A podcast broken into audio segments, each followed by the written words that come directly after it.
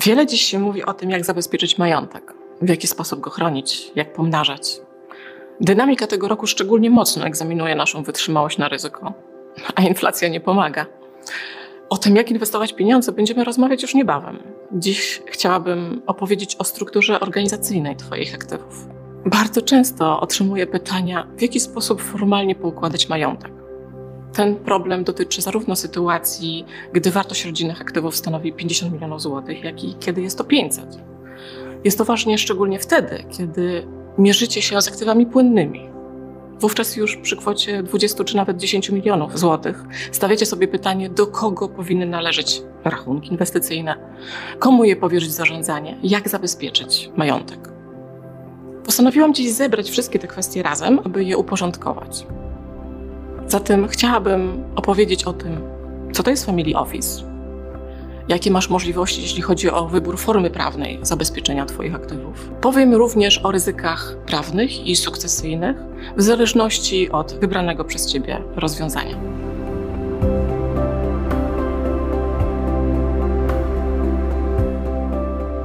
Cześć, jeśli stawiasz sobie pytanie, w jaki sposób zabezpieczyć Twoje aktywa płynne, jesteś we właściwym miejscu. Założyłam ponad 250 rachunków inwestycyjnych w kilkudziesięciu instytucjach finansowych w Europie i na świecie. Pomagam w budowie Family Office lub obsługuję majątek prywatny polskich rodzin, którego wartość przekracza miliard złotych. Nazywam się Anna Maria Panasiuk. Z wykształcenia jestem doktorem nauk prawnych i adwokatem. Z zawodu przedsiębiorcą oraz wealth advisorem. Doradzam holistycznie, to jest prawnie, finansowo, biznesowo i podatkowo osobom, które stają przed wyzwaniem zarządzania swoim majątkiem. Na moim kanale Wealth Advisory Anna Maria Panasiuk dowiesz się, jak skutecznie i bezpiecznie chronić Twój majątek. Zasubskrybuj mój kanał i bądź na bieżąco. Zatem w jakiej formie możesz inwestować majątek rodzinny? Dziś mówimy o majątku płynnym, ale wiele rozwiązań będzie miało zastosowanie również do wszelkich aktywów prywatnych, takich jak udziały, akcje, nieruchomości czy jachty. Co możesz zrobić? Co możesz wybrać, gdy zarządzasz pokaźną kwotą rodzinnych środków finansowych? Naturalnym etapem w zarządzaniu Twoim majątkiem jest otwarcie rachunku inwestycyjnego lub rachunku bankowego w banku prywatnym, który zajmuje się zarządzaniem aktywami osób zamożnych. Jest to tanie i proste rozwiązanie. W momencie, kiedy decydujesz się na tego rodzaju rozwiązanie, a bierzesz pod uwagę dywersyfikację portfela, czyli otwierasz takie rachunki w różnych krajach, w różnych bankach, czasami na różnych kontynentach, musisz się liczyć z dwoma ryzykami. Pierwsze ryzyko to jest proces sukcesji, który będzie potencjalnie bardziej skomplikowany, i drugie ryzyko to jest ryzyko biznesowe. Zdaję sobie sprawę z tego, że wielu z Was definiuje ryzyko biznesowe. W przypadku, kiedy jesteście przedsiębiorcami i jednocześnie eksponujecie się na potencjalne ryzyko biznesowe, musicie zadbać o to, żeby wasze aktywa były bezpieczne. Więc podejmujecie bardzo często świadomie decyzję o tym, że jeżeli eksponuję się na ryzyko biznesowe osobiście, to powinienem odseparować od siebie aktywa. Jeśli chcę być bezpośrednio w posiadaniu aktywów, to odpowiednio zarządzacie swoim ryzykiem biznesowym, czyli na przykład ryzyko biznesowe kumulowane jest w spółce czy w odrębnym podmiocie, który takie ryzyko na siebie bierze. To jest bardzo ważny aspekt. Wiele osób o tym pamięta, ale zdarza się, że będąc bezpośrednio wyeksponowanym na ryzyko biznesowe, jednocześnie osobiście posiadamy cały majątek, łącznie z rachunkami inwestycyjnymi w bankach, gdzie znajduje się cały majątek rodzinny. O tym należy pamiętać. Drugie ryzyko, które jest równie istotne, a o którym nie pamiętamy, jest to ryzyko związane z procesem sukcesji. Podam to na przykładzie.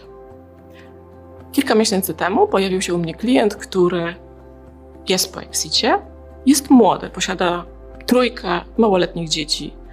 E, dodatkowo jest partnerką, która posiada również swoje małoletnie dzieci będąc przezornym, otworzył kilkanaście rachunków bankowych w Polsce, w Europie, również na innych kontynentach.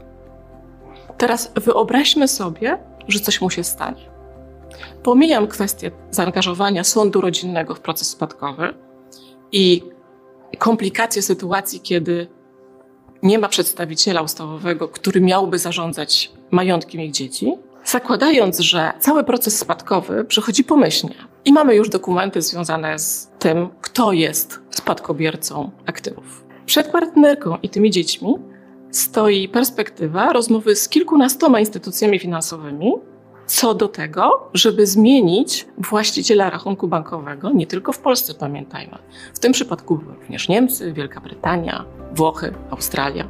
I to nie koniec, no bo jest jeszcze kwestia prawa rodzinnego. Kiedy i jak dziesięcioletnie dziecko albo piętnastoletni chłopiec mogą korzystać ze środków na rachunku bankowym, kiedy nie ma przedstawiciela ustawowego uprawnionego do tego, żeby zarządzać ich aktywami. W grę wchodzi polskie prawo rodzinne, europejskie prawo rodzinne, australijskie prawo rodzinne, według jakiego systemu prawnego będą zarządzane te środki.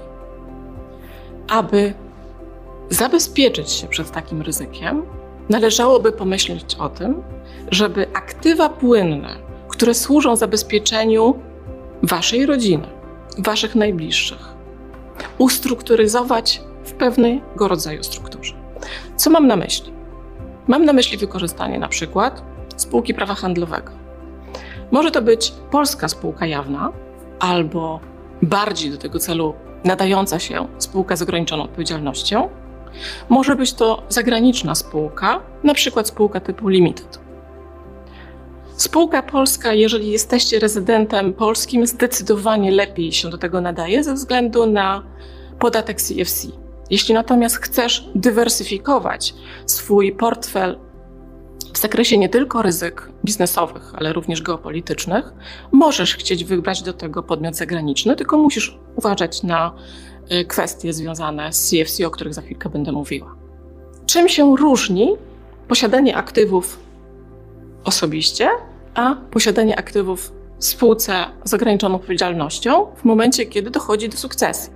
Jeśli coś się tobie dzieje, a założyłeś spółkę, którą wyposażyłeś w środki finansowe, ustawiłeś zarząd, gdzie najprawdopodobniej ty dzisiaj jesteś w zarządzie, ale jest też inna osoba, która może tak samo mieć dostęp do aktywów i wie, co, w jaki sposób nimi zarządzać, to jeśli coś się tobie stanie, cały proces spadkowy dotyczy udziałów spółki z ograniczoną odpowiedzialnością, a nie tych kilkunastu rachunków, które porozrzucane są na całym świecie.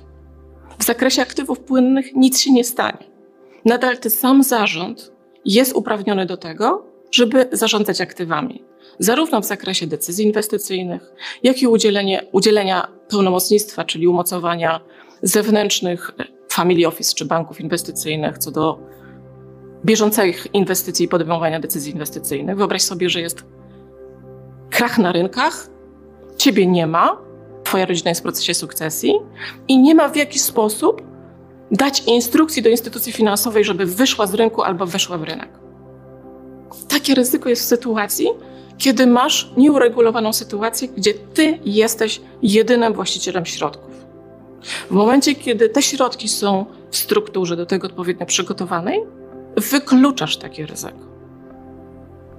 Alternatywną, alternatywą do spółki może być fundacja. Fundacja może być na prawie polskim, może być na prawie zagranicznym. Tu znowu w kwestię wchodzą aspekty związane z Twoją rezydencją podatkową, z tym, czy będziesz się mierzył z y, opodatkowaniem CFC, czy też nie. Ale fundacja daje Ci taki komfort, że ona w ogóle nie wchodzi w proces spadkowy. Tym się różni fundacja od spółki, że spółka ma udziałowców ma swoich właścicieli. W przypadku fundacji jest jej założyciel, jest jej zarząd i są beneficjenci. Beneficjentami fundacji mogą być Twoje dzieci, może być Uniwersytet Jagielloński, mogą być dzieci w Afryce. Ty masz wpływ na to, kto jest beneficjentem fundacji, ale fundacja nie ma właściciela. Więc gdyby cokolwiek się tobie stało, to aktywa, które są w fundacji, w ogóle nie wchodzą do masy spadkowej.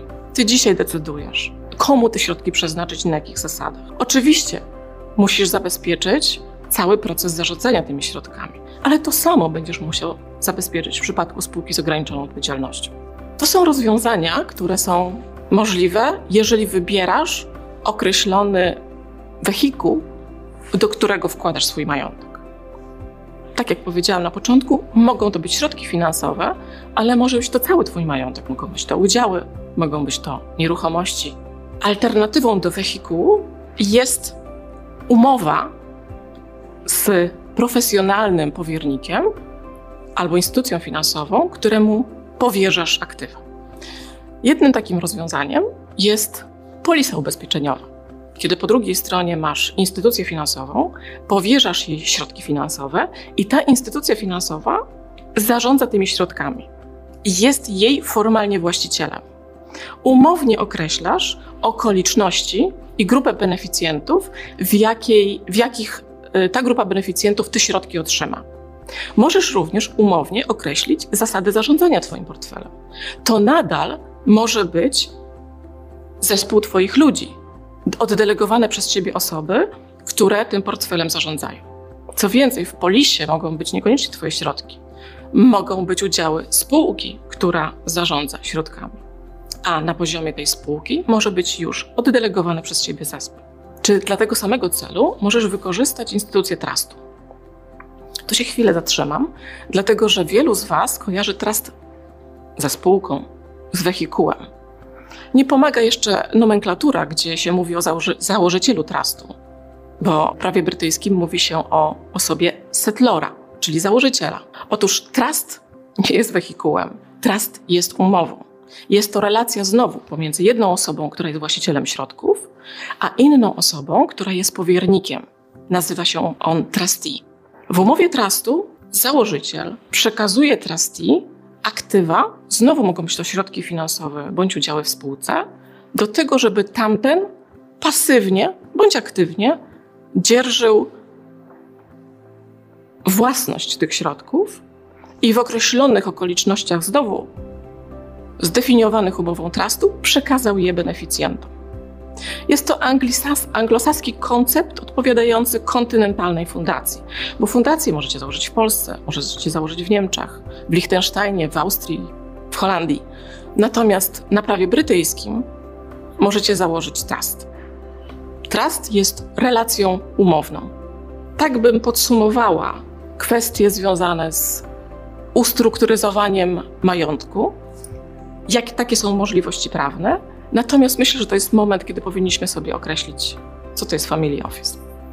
Tutaj bym się zatrzymała. Opowiedziałam Wam o różnego rodzaju formach prawnych związanych z tym, w jaki sposób zarządzać majątkiem.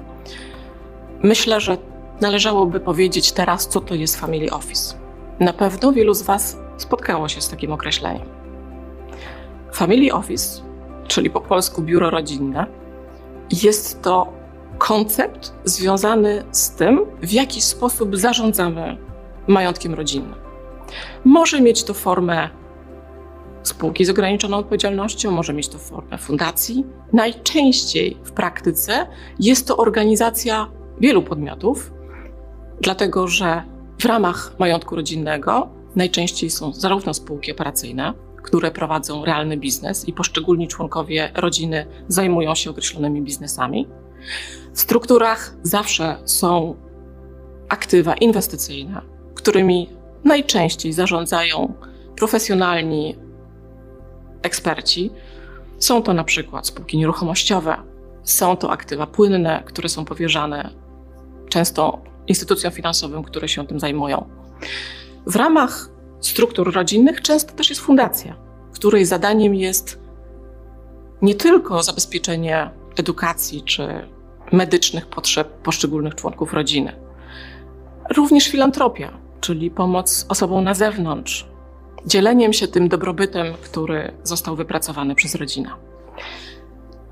Ta struktura najczęściej jest holdingiem rodzinnym, ale sposób jej zarządzania, czyli ten koncept family office, możemy podzielić na następujące rodzaje. Pierwszy koncept jest taki, kiedy rodzina posiada majątek osobiście, ten majątek nie jest uporządkowany, jest rozwój organiczny i poszczególni członkowie rodziny zarządzają tym majątkiem. Drugi etap jest wtedy, kiedy próbujemy go strukturyzować i część kompetencji zakupujemy na zewnątrz, czyli oddelegowujemy, przekazujemy aktywa zagranicznej albo polskiej instytucji finansowej, albo zagranicznemu family office, bo rynek family office w Polsce jeszcze się nie wykształcił, nie mamy tego rodzaju kompetencji. O tym, jakie rozwiązanie najlepiej wybrać, mówię w czasie pierwszego odcinka y, Życie po Exicie. Bardzo serdecznie do niego zapraszam. I trzeci etap to jest taki, kiedy ten majątek już jest na tyle duży, że czasami warto mieć na pokładzie zespół, który posiada kompetencje, jeśli nie w osobistym zarządzaniu majątkiem, to żeby podejmować fachowo i dobrze decyzje związane z tym, kogo zaprosić do pracy przy zarządzaniu naszym majątkiem. I jakie ryzyka należy mieć na względzie, gdy wybieramy któreś z omówionych dzisiaj rozwiązań? Odpowiedzialność przed wierzycielami, kwestie płynnej sukcesji, no i to, jak te aktywa będą zarządzane po naszej śmierci.